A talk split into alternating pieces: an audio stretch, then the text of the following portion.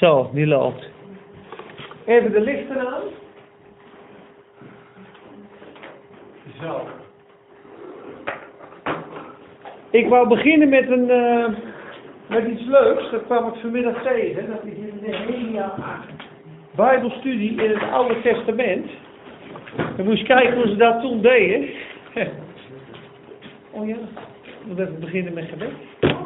Goed zo, Wouterus. Nou, Gerrit, wil jij een zegen vragen voor deze avond? Amen. Amen. Lief vader, dank u wel, Heer. Dat u ons nooit en alleen laat, Heer. Wat een geweldig.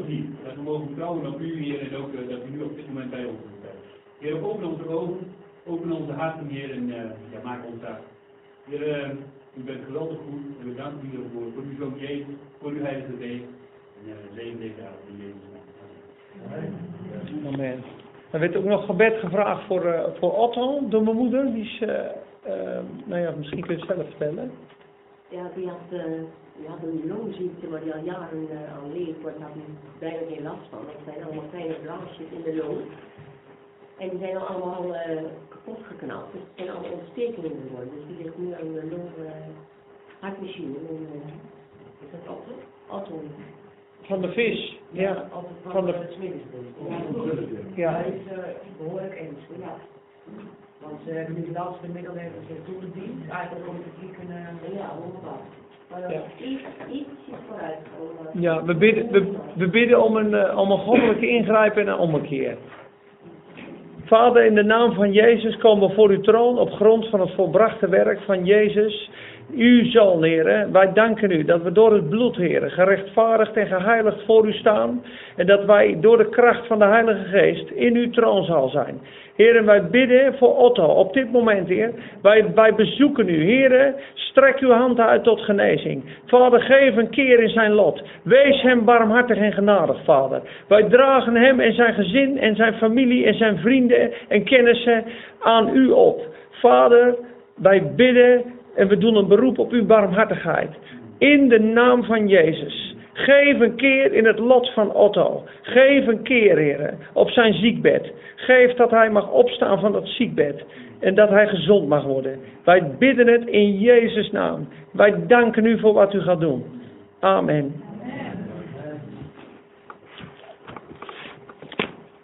Nehemia is Esther psalmen. Esther, Nehemia, psalmen, Job.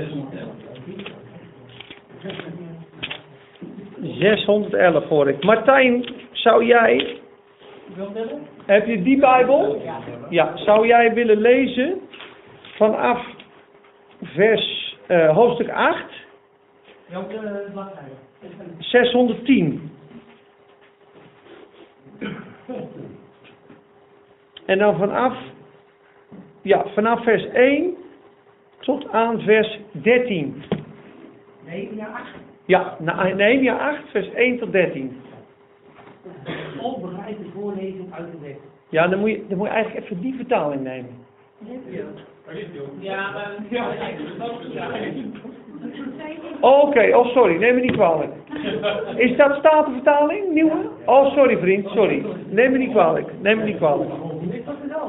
Ja, sorry, pardon. Toen de zevende maand aanbrak en de Israëlieten in hun steden waren, verzamelde heel het volk zich als één man op het plein dat voor het waterpoort ligt. En ze zeiden tegen Ezra, de schriftgeleerde, dat hij het boek moest brengen met de wet van Mozes, die de Heere Israël had geboden.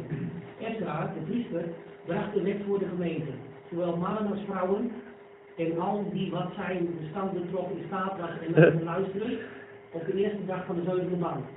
Hij las daarvoor, daaruit voor, voor het plein, voor het plein dat voor de waterpoort ligt, vanaf het morgenlicht tot de middag, ten hoge staan van de mannen, de vrouwen en van hen die wat hun verstand betrof in staat waren en naar te luisteren.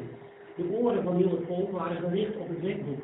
Ezra, de schriftgeleerde, stond op een houten verhoging, die ze voor deze gelegenheid hadden gemaakt. En naast hem stond Itja, met Sema, Anaya, Uria, Hilka en Masea aan de rechterhand. En aan de linkerhand Pedaya, Israël, Malachia, Hasum. Maak maar, maak maar een sprong naar vers 9, sorry. Maak maar een sprong naar vers 9. Zij lazen uit uit het boek voor, uit de wet van God, gaven, uitleg, gaven uitleg en verklaring de betekenis, zodat men de voorlezing begreep.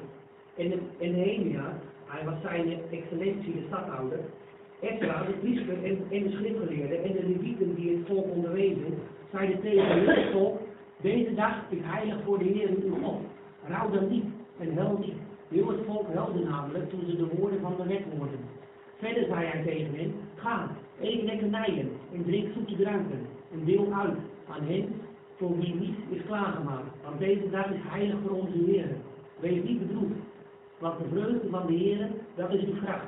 De levieten deden heel het volk zwijgen door te zeggen, wees stil, want deze dag is heilig. Wees daarom niet bedroefd. Toen ging al het volk weg om te eten en te drinken en om uit te delen een grote vreugde te bedrijven. Want zij hadden de woorden begrepen die men hun bekend had gemaakt. Ja, nou, dat is dus heel mooi. Ze maakten vroeger een houten stoel en daar stonden ze op met z'n allen en dat hele volk stond eronder. Maar wat mij heel mooi aantrof van het stukje is, op een gegeven moment hebben ze bijbelstudie gegeven, ze hebben het uitgelegd en alle mensen zijn bedroefd van wat ze horen in de wet. En dan zeggen ze op een gegeven moment, de vreugde des Heren is je kracht. Ga, eet, drink, geniet van het leven, deel uit met wie niet hebt. En daarnaast in het laatste vers staat heel mooi, en zij bedreven vreugde, want zij hadden de woorden van wat geleerd werd verstaan. Dus soms kan je een bijbelstudie horen, kan je bedroefd worden of je kan woorden horen in een preek. Dat je denkt van nou, dat ben ik nog niet, dat heb ik nog niet, ik word er een beetje teleurgesteld van. Dan is het woord, verheug je. Geniet van het leven, geef, verheug je en de openbaring van het woord zal komen.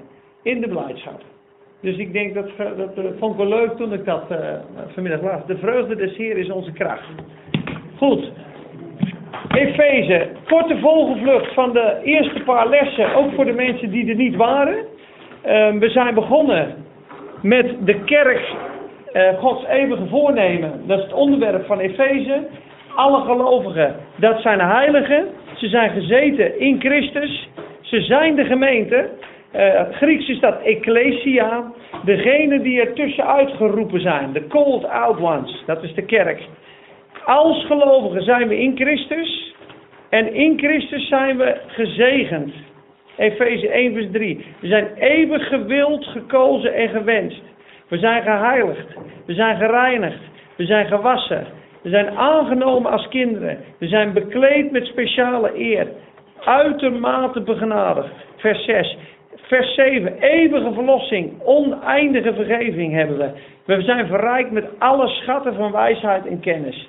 Dat was les 1. Dan hebben we uh, Gods eeuwige voornemen in een notendop. God wil zichzelf uitdelen in mensen, zodat zij een gezamenlijke uitdrukking van Christus worden. Beelddragers van zijn zoon, die samen opgebouwd, moest met een D, worden als een geestelijke tempel waar God doorheen schittert, in al zijn volheid. En die volheid, mooi is zo'n verhaal.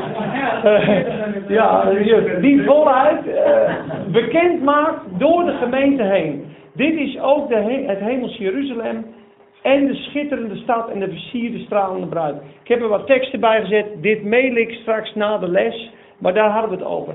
Toen de tweede week, derde week, de, de sleutels om het boek Efeze te begrijpen, de gebeden van Paulus. De gebeden staan in Efeze 1 vers 17 en 3 vers 14. Hij bidt om verlichte ogen van hun verstand, dat zij mogen zien wat de rijkdom is en wat de erfenis is, wat de kracht is. En het eerste gebed is openbaring. Dat we alle ogen open uh, mogen krijgen van de Heer, de ogen van ons hart, voor wat hier geschreven staat. Voor de zegeningen, voor het doel, voor de visie.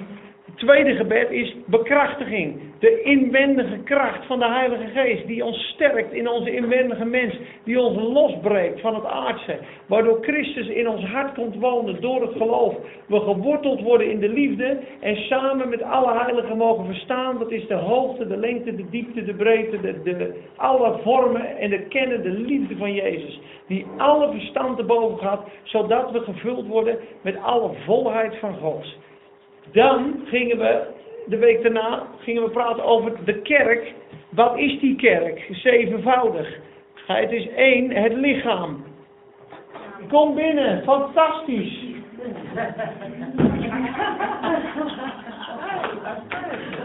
Lekkere kleine chatjes.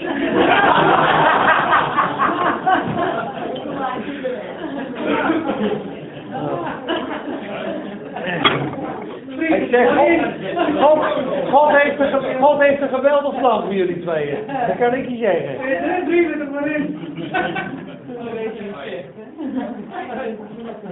Er. Ah, we zijn begonnen met een inleiding over wat we gehad hebben. Je hebt een klein stukje gemist, maar dat maakt niet uit. Maar we kwamen bij eh, week 4, of week 3 of week 4, bij de zeven, zeven eh, kentekeningen van de gemeente. Eén is het lichaam. En het lichaam drukt iets uit. Het lichaam is gemaakt om iets uit te drukken. Je handen, je voeten zijn om lief te hebben, om te dienen, officieel voor gemaakt. Dan was het één nieuwe mens. De heidenen, de joden, in Christus één nieuwe mens. Het derde is, we waren de familie van God. Het vierde, we zijn het koninkrijk van God. Het vijfde, we waren de woonsteden en de stad van God. Het zesde zijn, we zijn de bruid van God. En het zevende is, we zijn de strijder of het leger van God. Hebben we het over gesproken. Vorige week twee soorten christenen. Dat hele ingewikkelde vers 1, 1 vers 1. De, de heiligen in Efeze en de getrouwen in Christus Jezus staat er. Dat lijkt alsof het dezelfde mensen zijn, maar we hebben duidelijk gezien dat de heiligen, dat, zijn, eh, dat is de staat. Hè? We zijn allemaal heilige hemelburgers en kinderen van God. Vroeger had je dat al in de oud-gereformeerde kerk, staat en stand. De staat is, ik ben, eh, de burgerlijke staat is, wij zijn gehuwd, maar ons huwelijk is een zootje. Dus de staat is goed, maar de stand is helemaal niet goed. We moeten praten, we moeten counselen, we moeten elkaar vergeven. Op het moment dat dat liefde weer opbloeit en de verliefdheid is terug, dan is de stand ook perfect.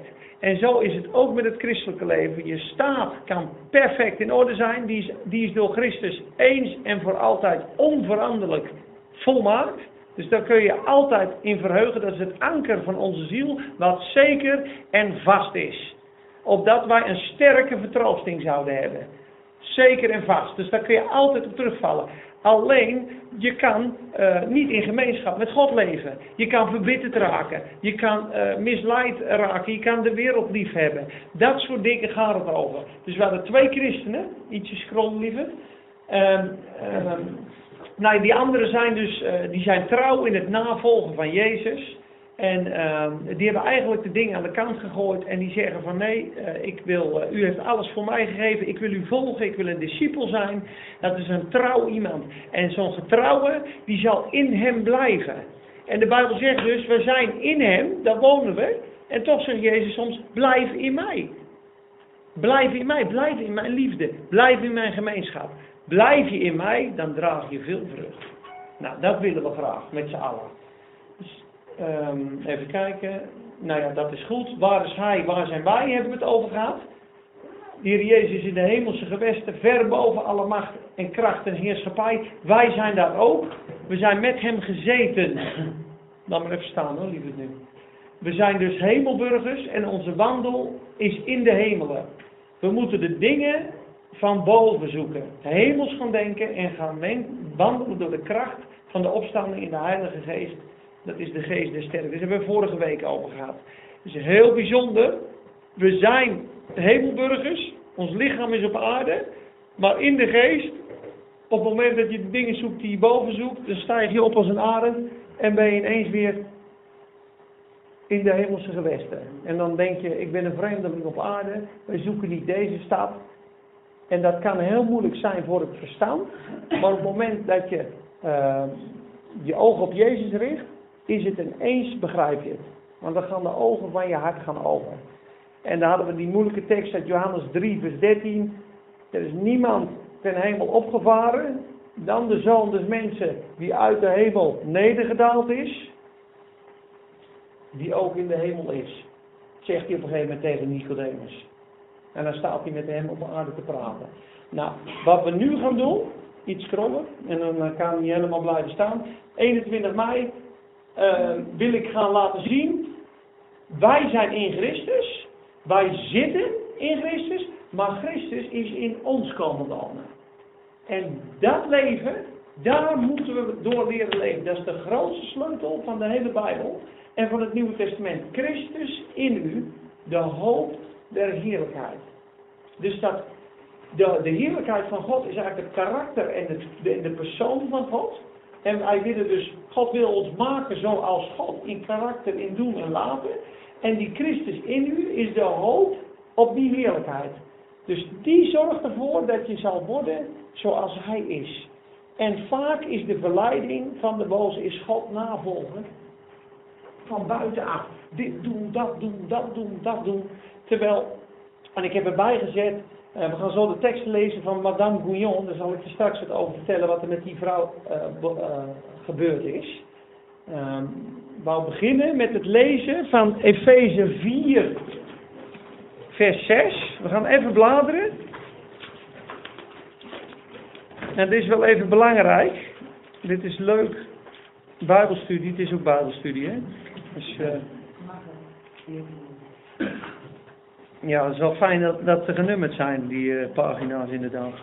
1461, Peter van der Mee, kan jij vers 6 voorlezen? Eén God en Vader van allen, die boven allen en door allen in u allen is. Nog een keer. Eén God en Vader van allen, die boven allen en door allen in u allen is. In u allen. Goed nou, God de Vader is in u allen. Dat is één, hè? Oké. Dan gaan we twee boekjes terug. 2 Korinthe 13, vers 5. 1449. Ik zou zeggen, Patrick, of jij hem voor wil lezen, als je de nieuwe statenvertaling hebt. 2 Korinthe 13, vers 5, bladzijde 1449. Onderzoek. Ja. Onderzoek uzelf of u in het geloof bent. Beproef uzelf of weet u niet van uzelf dat Jezus Christus in u is. Of het moet zijn dat u op enige wijze verwerkelijk bent. Nog een keer. Onderzoek uzelf of u in het geloof bent. Beproef uzelf of weet u niet van uzelf dat Jezus Christus in u is. Of het moet zijn dat u op een enige wijze verwerkelijk bent. Ja. Beproef uzelf of gij in het geloof zijt. Weet u niet dat Jezus Christus in u is? De Vader is in allen. Jezus Christus is in de geloven. 1 Korinthe 6, 19. Boekje terug. Krijgen we bladzijde 14, 24. Henk, kun jij die voorlezen? Of weet gij niet dat uw lichaam een tempel van de Heilige Geest is, die in u woont, dat gij van God, die gij van God ontvangen hebt, en dat gij niet voor uzelf zijt? Nog een keer. Of weet gij niet dat uw lichaam een tempel van de Heilige Geest, die in u woont, die gij van God ontvangen hebt, dat gij niet van uzelf zijt, dat gij niet van uzelf zijt? Heilige Geest is in ons. Dat is wat, hè?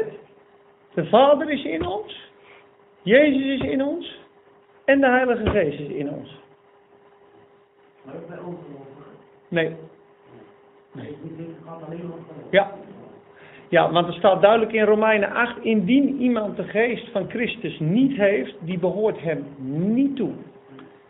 En op het moment dat, uh, zegt hij ook in Efeze 19, nee, in Handelingen 19, staat op een gegeven moment, heb gij de Heilige Geest ontvangen nadat gij geloofd hebt.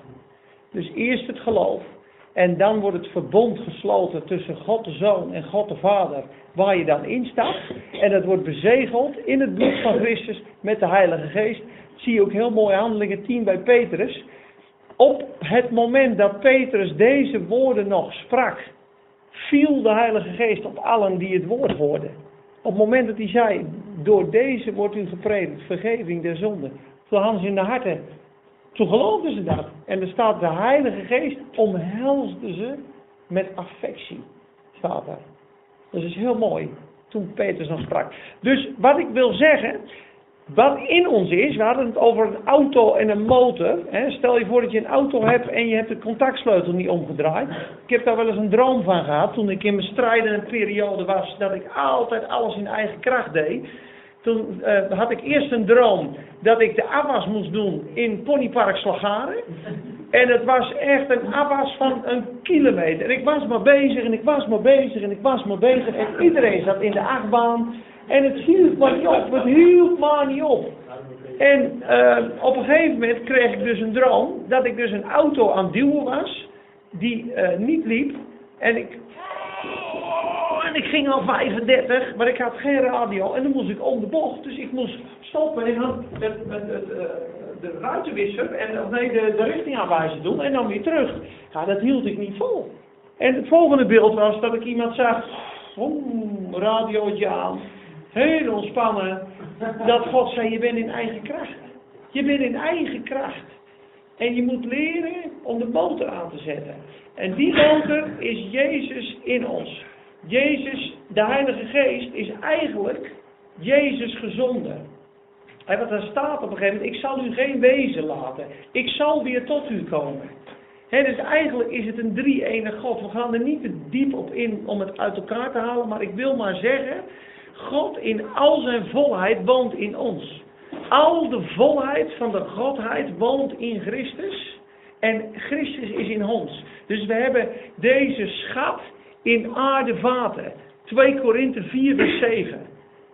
Wij hebben deze schat in aardevaten, opdat de kracht zou blijken uit God te zijn en niet uit ons. Dus de sleutel voor het christelijke leven is leven door de inwendig inwonende Jezus Christus. Ze noemen dat in het Engels een heel mooi woord, de compound spirit. Een drievoudige geest, dat is in Exodus terug te vinden in die olie, waar dan het mirre en de kruiden en de koek en het deeg en alles in die olie gemaakt werd, dat op die priesters kwam. Dat is die zalfolie, die zo rijk is met alles wat God erin heeft. Dat is in ons hart uitgestort. En Satan is zijn list is om ons af te leiden van het leven wat in ons is. Daarom zegt hij in Colossense 1, zie toe nou, we kunnen het beter even lezen. Dat is een heel mooi stuk. Colossense 1. En dat staat op pagina 1471 inderdaad, 771. Ja. En daar zegt hij, en het gaat exact over het stukje van vanavond, dat ik heb de tekst erbij staan, uh, een stukje verder.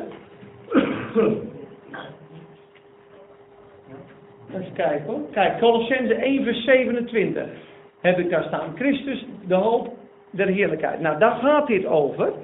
En Paulus die zegt hier, um, vers 24 begin ik.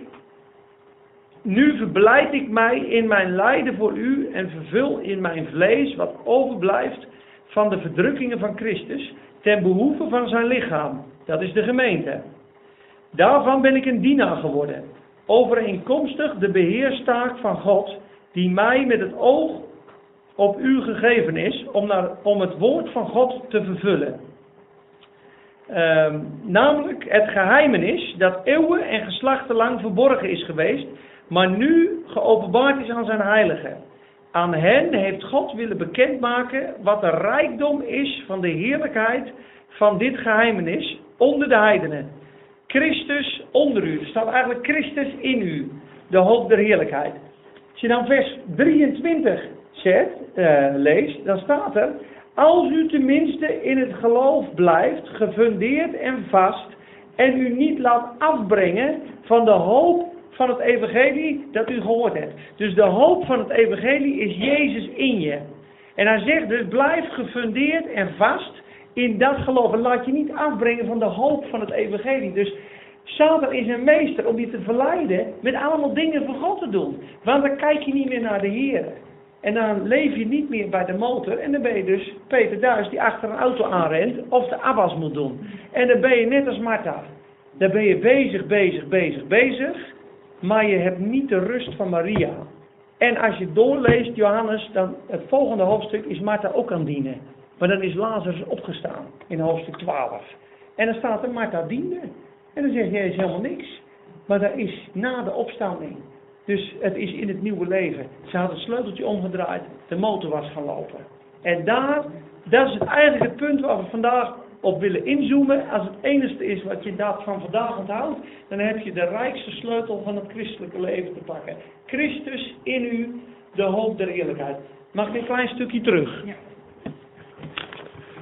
eigenlijk als je, als je, als je bidt. Je zegt God, Jezus en de Heilige Geest, die die zijn hier. Als je bidt tot wie bid je dan? Bid je tot God, bid je tot Jezus, bid je tot de Heilige Geest? Of kan je tot allemaal bidden? Je kan het allemaal bidden. Is dat, is dat zo? Ja. Ik zit eraan. Ja. Ja. Ik denk van, ook, ik zeg nu Heilige Geest, ook Nee, ja, nee, nee, zo is het niet. Nee, wat je zegt, kijk, de Heilige Geest zegt, zondert mij aan Paulus en Barnabas. Dus, eh, Heilige Geest, dank u wel dat u bij me bent. Is, is al een gebed. Heer Jezus, ik prijs uw grote naam. Heer, dank u dat u me vandaag helpt, is een gebed. En Vader, ik kom tot u in de naam van Jezus. Snap je dus? Het, de Vader is de grootste van allemaal. Ja. En Christus is de middelaar. Hè, en de Heilige Geest is onze helper. Maar een woord tegen God en tegen Jezus wordt vergeven, maar lastering tegen de Geest weer niet. Dus snap je, het, God is zo heilig. Het, dan zeg ik, je moet er niet te diep ingaan van eh 3, 3, 3. Ik heb het ook wel eens gehad. Dan waar ik aan het bidden en denk, ja, nu ga ik naar Ja, God en dit- dan vergeet ik de Heilige Geest. Dan kwets ik de Heilige Geest. En, eh, eh, En de Heer God, dank u wel dat u gestorven bent aan het kruis eh, 2000 jaar geleden. Maar dat vraagt niet de Heer God, Jezus. Ja. En dan denk ik, ja... Het is een drie-ene God, daar moet je niet te ver over nadenken. Dat kan in je hart wel. Maar bid gewoon tot wie jij geleid wordt te bidden.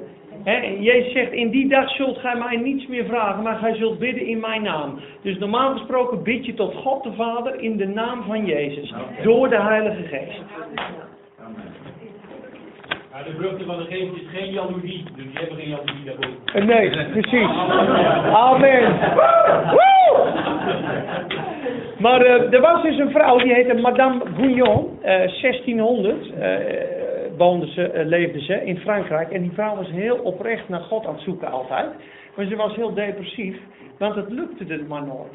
En eh, op een gegeven moment, eh, de broer is overleden, de moeder is overleden. En toen kwam er een huisvriend en een dokter in huis. En toen zeiden de, de vader of de moeder of een tante, dat weet ik niet, die zei tegen die dokter van, heb je niet een woord voor, voor Jean-Marie, heette ze, toen was ze 16. Want ze is altijd zo depressief, ze is aan het najagen en aan het zoeken en het zoeken. En het enige wat die dokter toen gezegd heeft is, eh, mijn jonge dame, ik, ik denk dat je zoekt van buiten wat van binnen te vinden is. Ik denk dat dat het is. En dat heeft haar hele leven veranderd. Toen heeft ze de vrede gevonden. En ze, zij heeft dus het boek geschreven, de diepte van Jezus Christus ervaren. En ze had ontdekt bidden met de inspanning van ademen. En dat zijn haar boeken. Dus ze heeft geleerd om in de aanwezigheid en de tegenwoordigheid van God te leven met de inspanning van ademen. Want hij is al in me. Dus ik wacht op hem en het is als een klein riviertje die mij brengt naar die grote zee. En zij had dus de vrede en de rust gevonden in zichzelf. Hè? En New Age is natuurlijk eh, heel gevaarlijk, want als Jezus nog niet in je is, zit hij in jezelf. En dus het klinkt een beetje eng, maar op het moment dat Jezus in je is komen wonen, is de sleutel wandelen door de geest, is praten met hem. Hij is in je. Hij gaat altijd met je mee. In de gevangenis is hij erbij. Bij Corrie Boom was hij gewoon in de gevangenis. Hij is er altijd. En als je dat mag leren, dan leer je connectie te maken met God.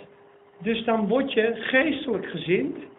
Dus alleen al het besef, Heer, u bent in mij. U bent zo dichtbij. Dat is al de eerste stap van een wandel in het geestelijke leven.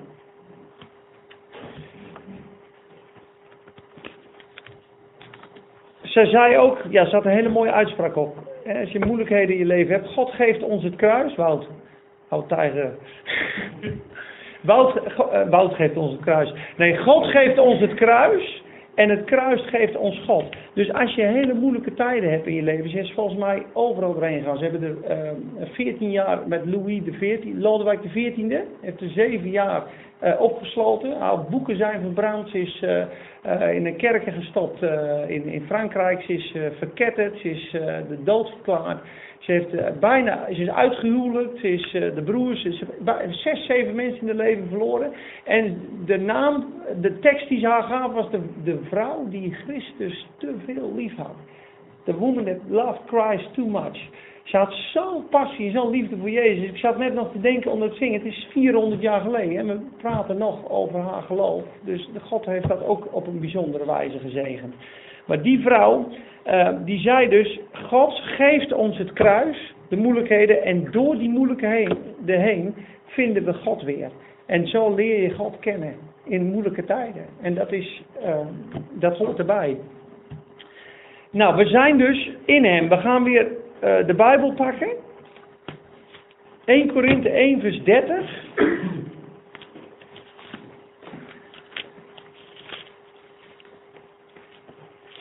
Dat is onze positie waar we altijd zijn.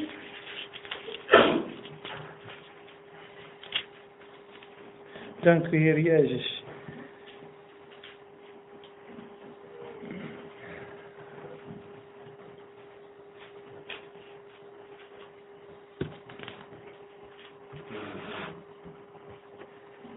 Veertien twintig. Mama, wil jij die... eh, vers 30. Maar uit hem bent u in Christus Jezus, die voor ons is geworden wijsheid van God en gerechtigheid, heiliging en verlossing. Juist, nog een keer. Maar uit hem bent u in Christus Jezus, die voor ons is geworden wijsheid van God en gerechtigheid, heiliging en verlossing. Ja. Maar uit God bent u in Christus Jezus. Dat is een vaststaand feit. Die voor ons geworden is wijsheid van God. Dus de wijsheid van God woont in ons en wij in hem. Dus als je wijsheid tekort komt, is gewoon, Heer, ik weet niet wat ik moet doen. Ik dank u dat u in mij bent. Ik dank u dat u mijn wijsheid bent. Ik vertrouw en geloof op u. En dan, komt het antwoord, want hij is in je. Galaten 2 vers 20, zegt- dat ken wel die tekst. Het is niet langer ik die leef. Ik ben met Christus gekruisigd. Nochtans leef ik. Doch het is niet meer ik die leef, maar Christus leeft in mij. En het leven wat ik nu leid en leef, dat leef ik door het geloof in de Zoon van God. Dus door te rusten op Hem. Als je 1 Korinthe 1 vers 30 leest, Hij is geworden onze wijsheid, onze rechtvaardigheid. Hij is onze heiligheid. Dus je hoeft niet meer te zoeken naar een heilig leven. Door heilig te worden. Je moet gaan leven door Jezus heen. En Hij maakt u heilig. Hij is onze heiligheid. En Hij is onze verlossing. Dus we zijn volledig verlost. Volledig geheiligd. Volledig gerechtvaardigd. En het ontbreekt ons aan geen enkele wijsheid. Nou, die schat is in ons. Dus we hebben het al. En daarom is het zo verleidelijk om je best te doen om de wijsheid te krijgen, om de heiligheid te pakken, de rechtvaardigheid. Dat zegt hij in Galaten. U bent van de genade vervallen. Christus heeft zo geen effect. Want u probeert zich door de wet of door de werken te rechtvaardigen. En daar is de grootste sleutel. En daar vallen we elke keer in, ook ik, als je niet uitkijkt. Dan, wij zijn geneigd om met wetten en regels te leven, om ons best te doen. Als je daar hard voor werkt, dan krijg je het. Nee, je hebt het al gekregen. Je hebt de schat. En dan kom je dus in de positie van Efeze. Ik ben gezeten met hem. Ik heb de schat in mij. Er ontbreekt mij aan niets. Christus is in mij. Kan ik heiliger worden dan Jezus? Nee, natuurlijk niet. Kan ik rechtvaardiger worden dan Jezus? Natuurlijk niet. Ik ben in de overwinning. En het enige wat we moeten doen is stand houden. Hoofdstuk 6. Stand houden. Houd wat u hebt. Het is overwonnen. Het is volbracht.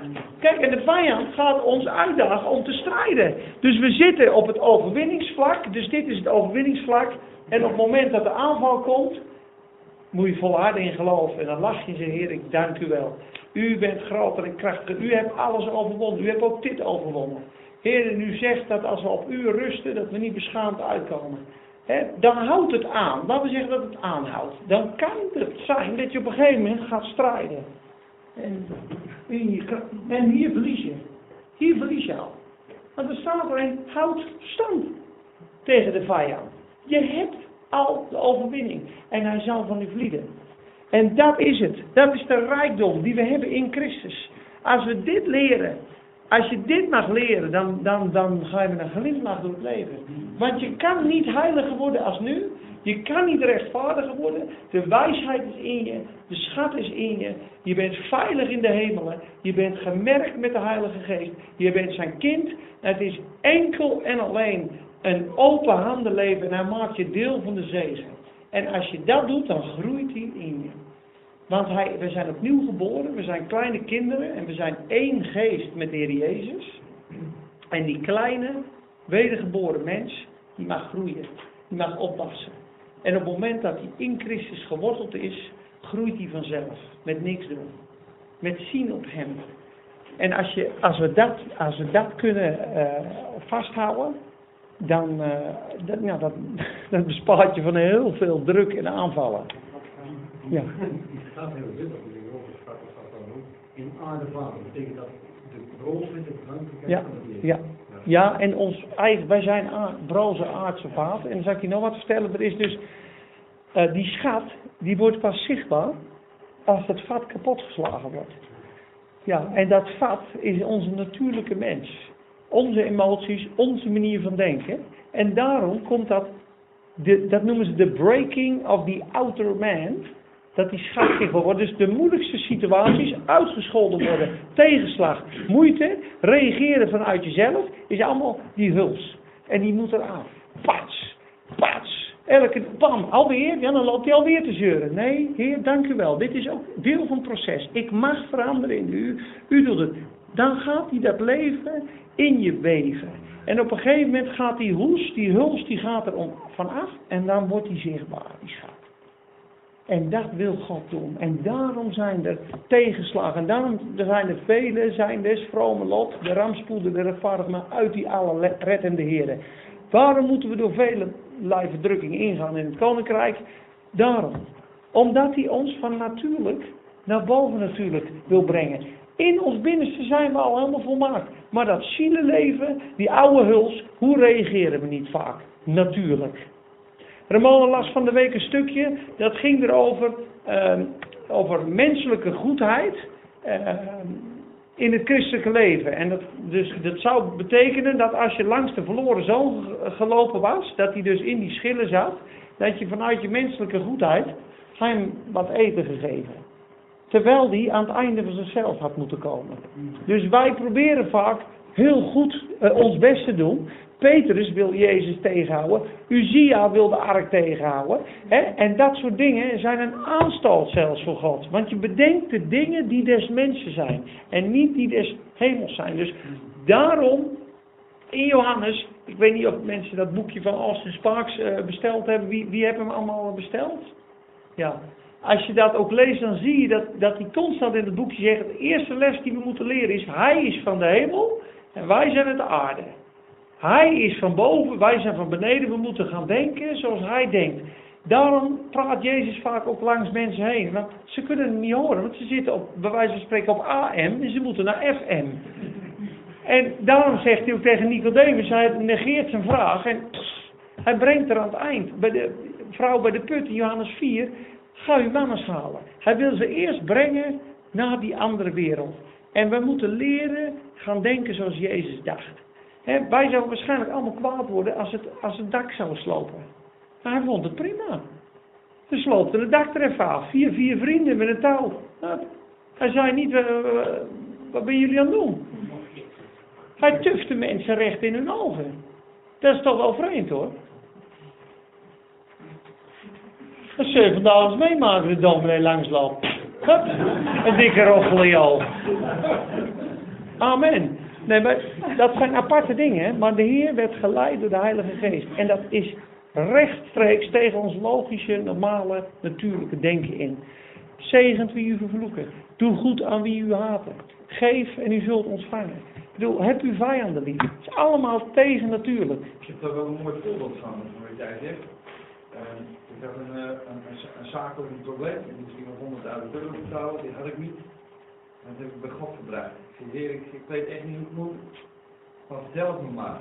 En eh, toen, werd ik op een gegeven moment de, eh, de rustig in, zeg maar. En ik had de volgende dag dat, gesprek. En toen zegt hij, hoe gaan we het oplossen? Ja, en dan hebben we gegeven met mij. Ik zeg, je moet het omzetten in een lening van vijf jaar met een rente van 6%.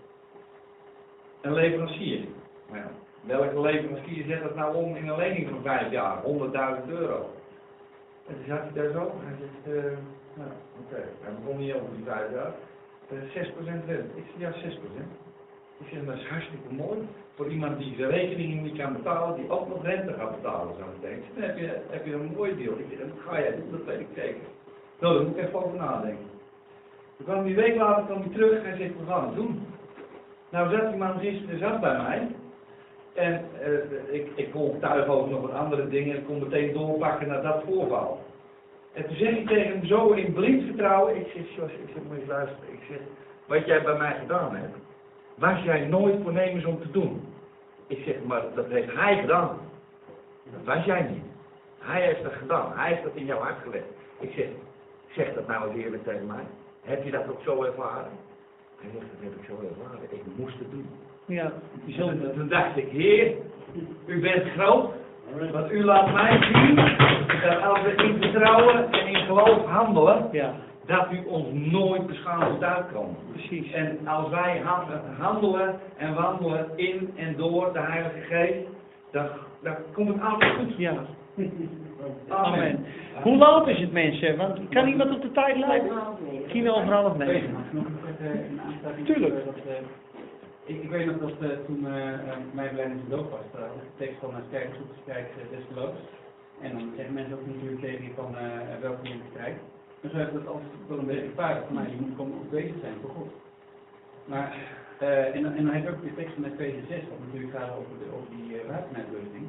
En dan had ik heel vaak het gevoel van, ja, maar hoe kun je dat nou eigenlijk volgen? Dat betekent dat je nog meer moet weten van de Bijbel, nog meer in feite wil je goed bewaard zijn. Maar juist de laatste tijd heb ik zoiets van, eh, eh, ik hoef één God. Ja. Ja, En nu las ik eh, twee weken geleden of zo die tekst, ook hier in de eh, en toen dacht ik van, nee, ik lees hem nu wel anders.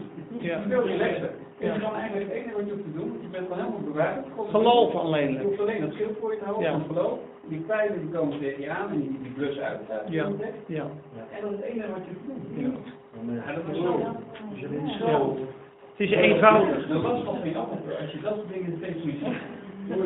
We kunnen wel Gods gedachten brengen, dat is ook in de van. Nee, nee. Ja, precies.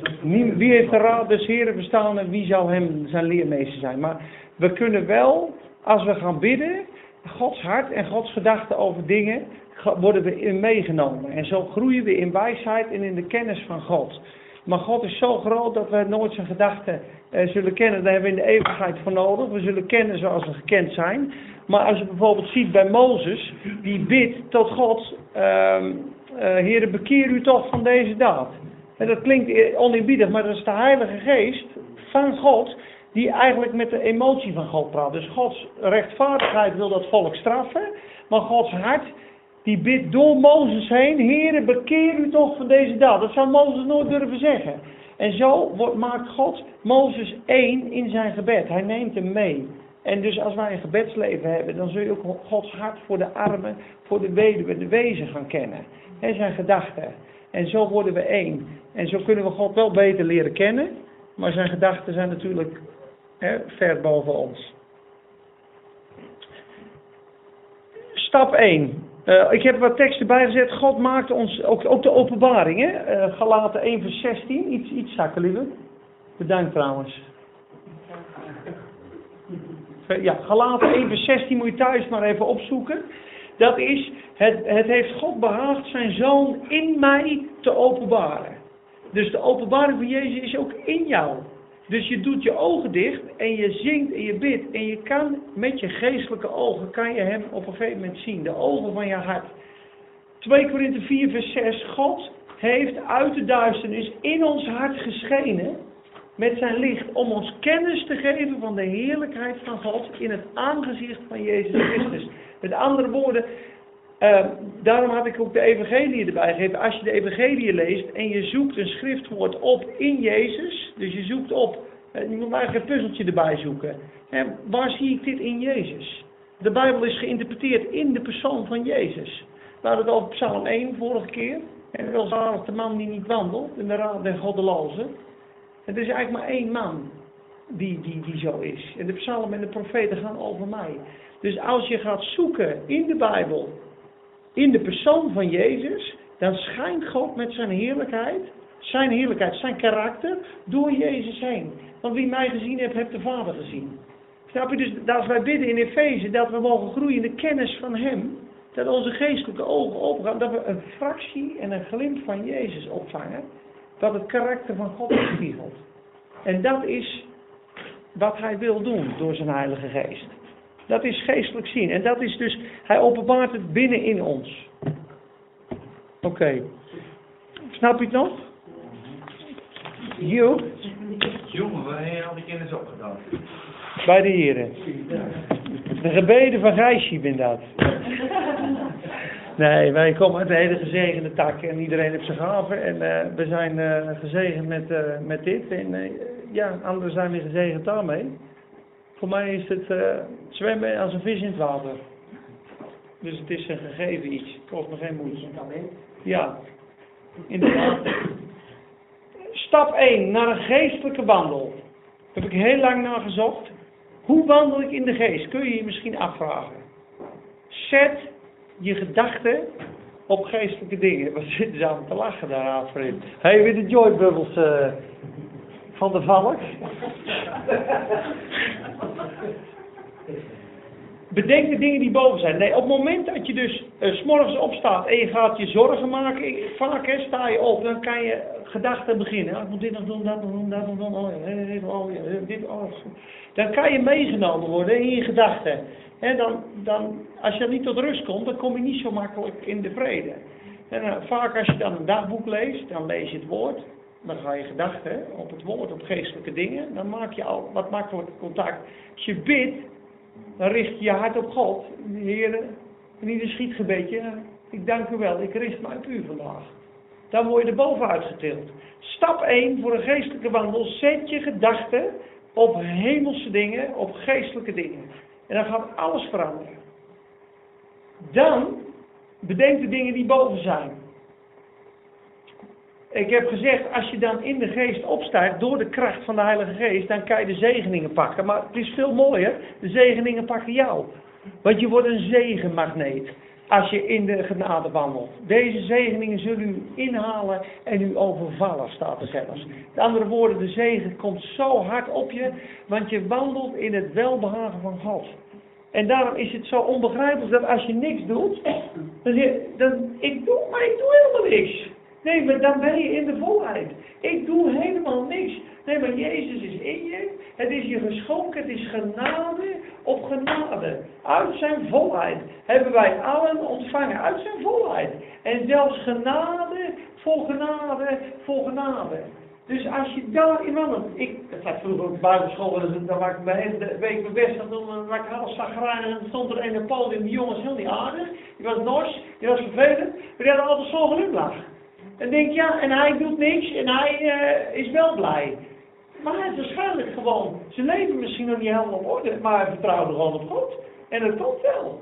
En maar hij was blijer dan ik. Want ik was altijd, ja, maar dit deed nog niet en dat nog niet. En ik heb nog dit en ik heb nog zo. En daar, daar moeten we echt mee stoppen. Dat is ook het bedenken des vleeses. En dat is vijandschap tegen God. Dus jezelf onder zo'n loep nemen, introspectiveness, dus navelstaren noemen ze dat. Dus op zelf, op onderzoek, zelfonderzoek uit, vanuit je vlees is zonde. Dat is zonde. Dat is een grove overtreding. Dat heb ik moeten leren. Ik dacht dat is nobel, dat is goed. Ja, maar ik, eh, nee, wat, gij zult niet onrein verklaren wat God rein verklaard heeft. Wie ben jij? Ik heb je gewassen met mijn bloed. Ik ben gekruisigd voor je. Ik ben vervloekt voor je. Moet je dan jezelf vervloeken? Zijn mijn, is mijn bloed dan min- minder dan, dan je misdaden? Nee. Dan moet je absoluut van bekeren. Op het moment dat je dat doet, dan eer je God. Dan zeg je, maar doe niks. Ja, maar mijn zoon heeft alles gedaan. Dat is de kracht van het evangelie. Halleluja. Dat is de blijdschap. Dat is de blijdschap. Bent dan een profeet, hè? Van A tot Z Genormaliseerd. Juist. Oh ja, ik had hierbij gezet, zodra we onze gedachten op Jezus Christus eh, richten, hem lief hebben, dan wordt de Heilige Geest in ons helemaal enthousiast. Want die wil Jezus, die wil over Jezus praten, die wil Jezus verheerlijken, die is verliefd op Jezus. Dus ben jij in lijn met zijn geest? En ze zeggen zelfs dat in je geest nu de Heilige Geest God aan het loven en prijzen is. Maar je hoort het niet.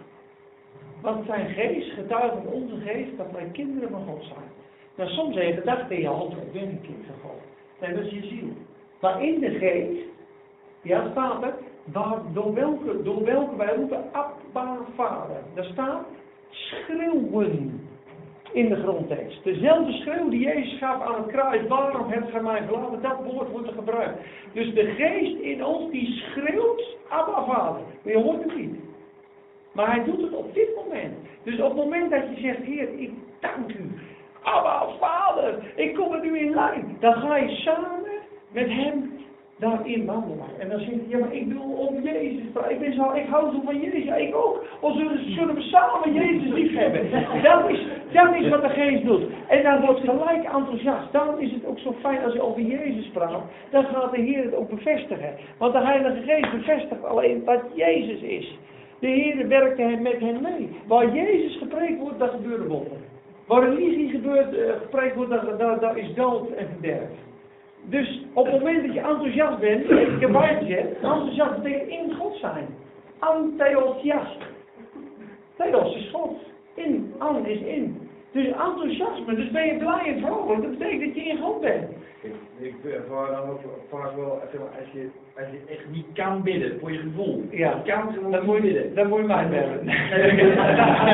Nee. Uitstappen in geloof Ja. en zeggen, Heer, Ja. ik kan niet bidden Juist. op dit moment. Juist. Maar ik weet dat, dat u Juist. er aanwezig wil worden en dat u wil dat ik uitstap in geloof. Precies. En u gaat me de woorden en... en Of je pakt een psalm. En dan binnen 30 seconden. Ja, breek je dan er doorheen. dingen dat je echt denkt van, Ja, kan ik dat? ja, precies. Dat is zijn geest met onze Ja. geest. Maar de geest wil binnen om om het springen te verzuchtigen. Dat klopt. En Ja. ik uit het een beetje mee. Maar je ziet ook in de psalmen, hè, 103, 150 psalmen, 53 psalmen heeft David het zwaar, hè? Nou, 53, ik zie het niet meer zitten, ik ben, mijn, mijn kracht is op, ik ben leeg. Mijn vijanden benauwen mij. Mijn gedachten zijn in mij overweldigd. Mijn hart heeft geen moed meer zich op te heffen vanwege het tal van mijn zonden. Eh, eh, eh, red mijn ziel uit de benauwdheid, dan zal ik u prijzen. Zoveel. Ik heb soms eh, zulke moeilijke tijden. En aan Psalm 143 of 142. En je proclameert het. Je zegt, Heere, u, mijn benauwers zijn sterker dan mij, maar gij zult ze bestraffen. Heere, bestraf mijn vijanden. Gij zult mij overwinnen. Nou, en dan halverwege die psalm zie je heel vaak dat die er weer uitkomt. En daarom loof ik en prijs ik u. Dus een lofprijs is ook zo'n krachtig wapen. Hè? Maar soms is het ook heel mooi dat als je ook echt moet gaan bidden en anderen wel kunnen Ja. dat je dan Tuurlijk. soms voelt dat er wordt wordt Ja, gebeden. ja. en daar, ik, je kan echt ook iemand opbellen. Ik kan niet bidden, ik ben verdrietig en weer kom ik bidden. Dan zullen we samen bidden aan de telefoon. Ja, want dan heb je weer... Soms kom je er niet uit, ja. Er ben- er is ook wel eens, hè, dat hebben wij wel eens last van gehad, dat je gewoon eh, je ongelukkig voelt. En dan eh, ook, je doet het niet goed en het is een dwingende, moeten, moetachtig iets. Je weet dat het niet van God is, maar je krijgt het niet weg. En dan kom je met teksten, dat lukt niet en niks lukt. En daar, daar word je wel eens boos en dan denk je, ik krijg het niet van me af. Je heb ik gezondigd, dan ga je zoeken. En dan onderlaatst kwam Peter naar me toe. Er was een man die had dat heel vaak in Amerika en die had aan God gevraagd, wat, wat, moet ik dan doen? Want tekst, daar komt hij zelf al mee, de boze. Ik weet het niet meer. Toen zei hij nou, dan moet je net doen wat ik ook doe. En dat is gewoon lachen. Psalm 2.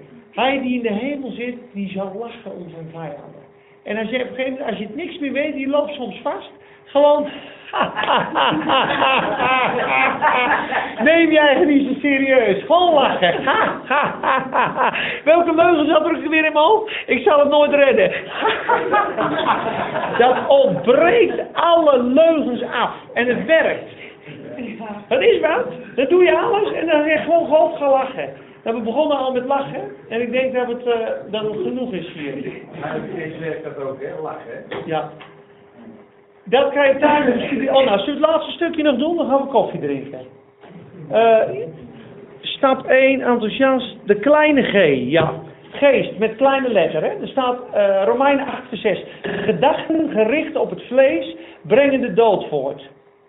En de gedachten gericht op de geest brengen leven en vrede voort. Eigenlijk staat daar dus niet geest met een G, maar een kleine geest. Heel veel vertalingen staat daar geest, want dan denk je, ja nee, dat gaat over Gods geest. Nee, dat is onze geest. Want de Heilige Geest zit in onze geest. 2 Timotheus 4 vers 22 staat, de Heere Jezus Christus zij met uw geest, zegt Paulus daar. Galaten 6, eind, laatste vers, de genade zij met uw geest.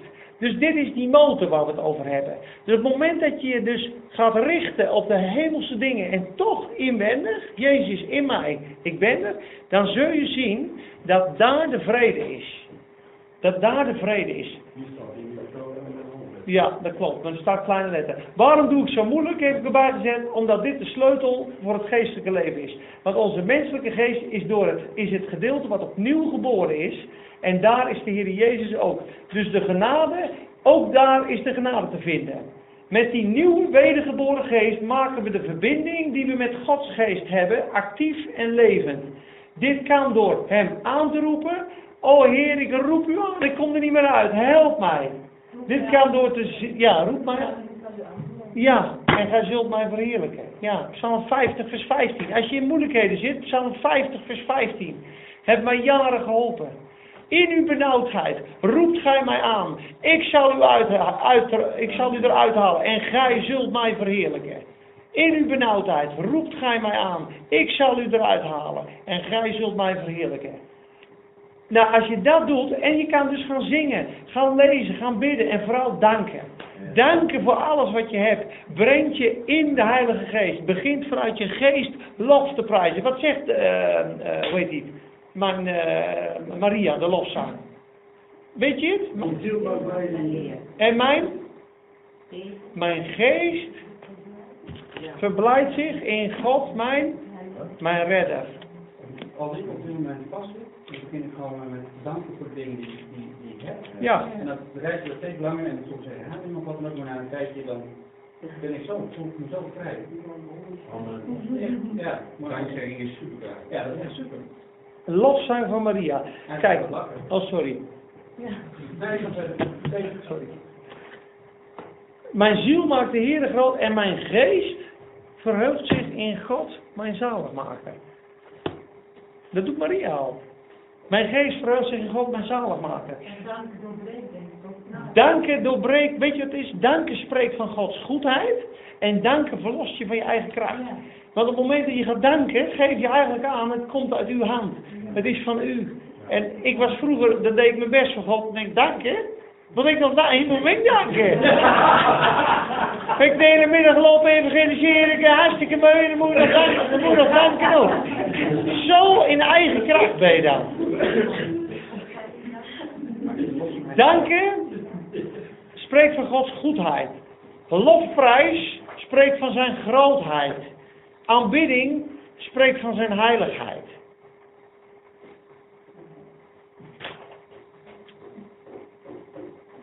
Dit is de internetverbinding. Zo ontvangen we de sappen van de wijnstok. Blijf in mij. De zegeningen, het leven, de genade, de kracht. Kortom, de rijke drie-enige God. De Vader, de Zoon en de Geest. Als ons alles. Onze adem, onze vreugde, onze wijsheid. Dit is de allerbeste beschrijving van genade. Oneindige, overvloedige, eeuwige genade. Halleluja. Dat is Christus in ons. Amen. Vijf keer.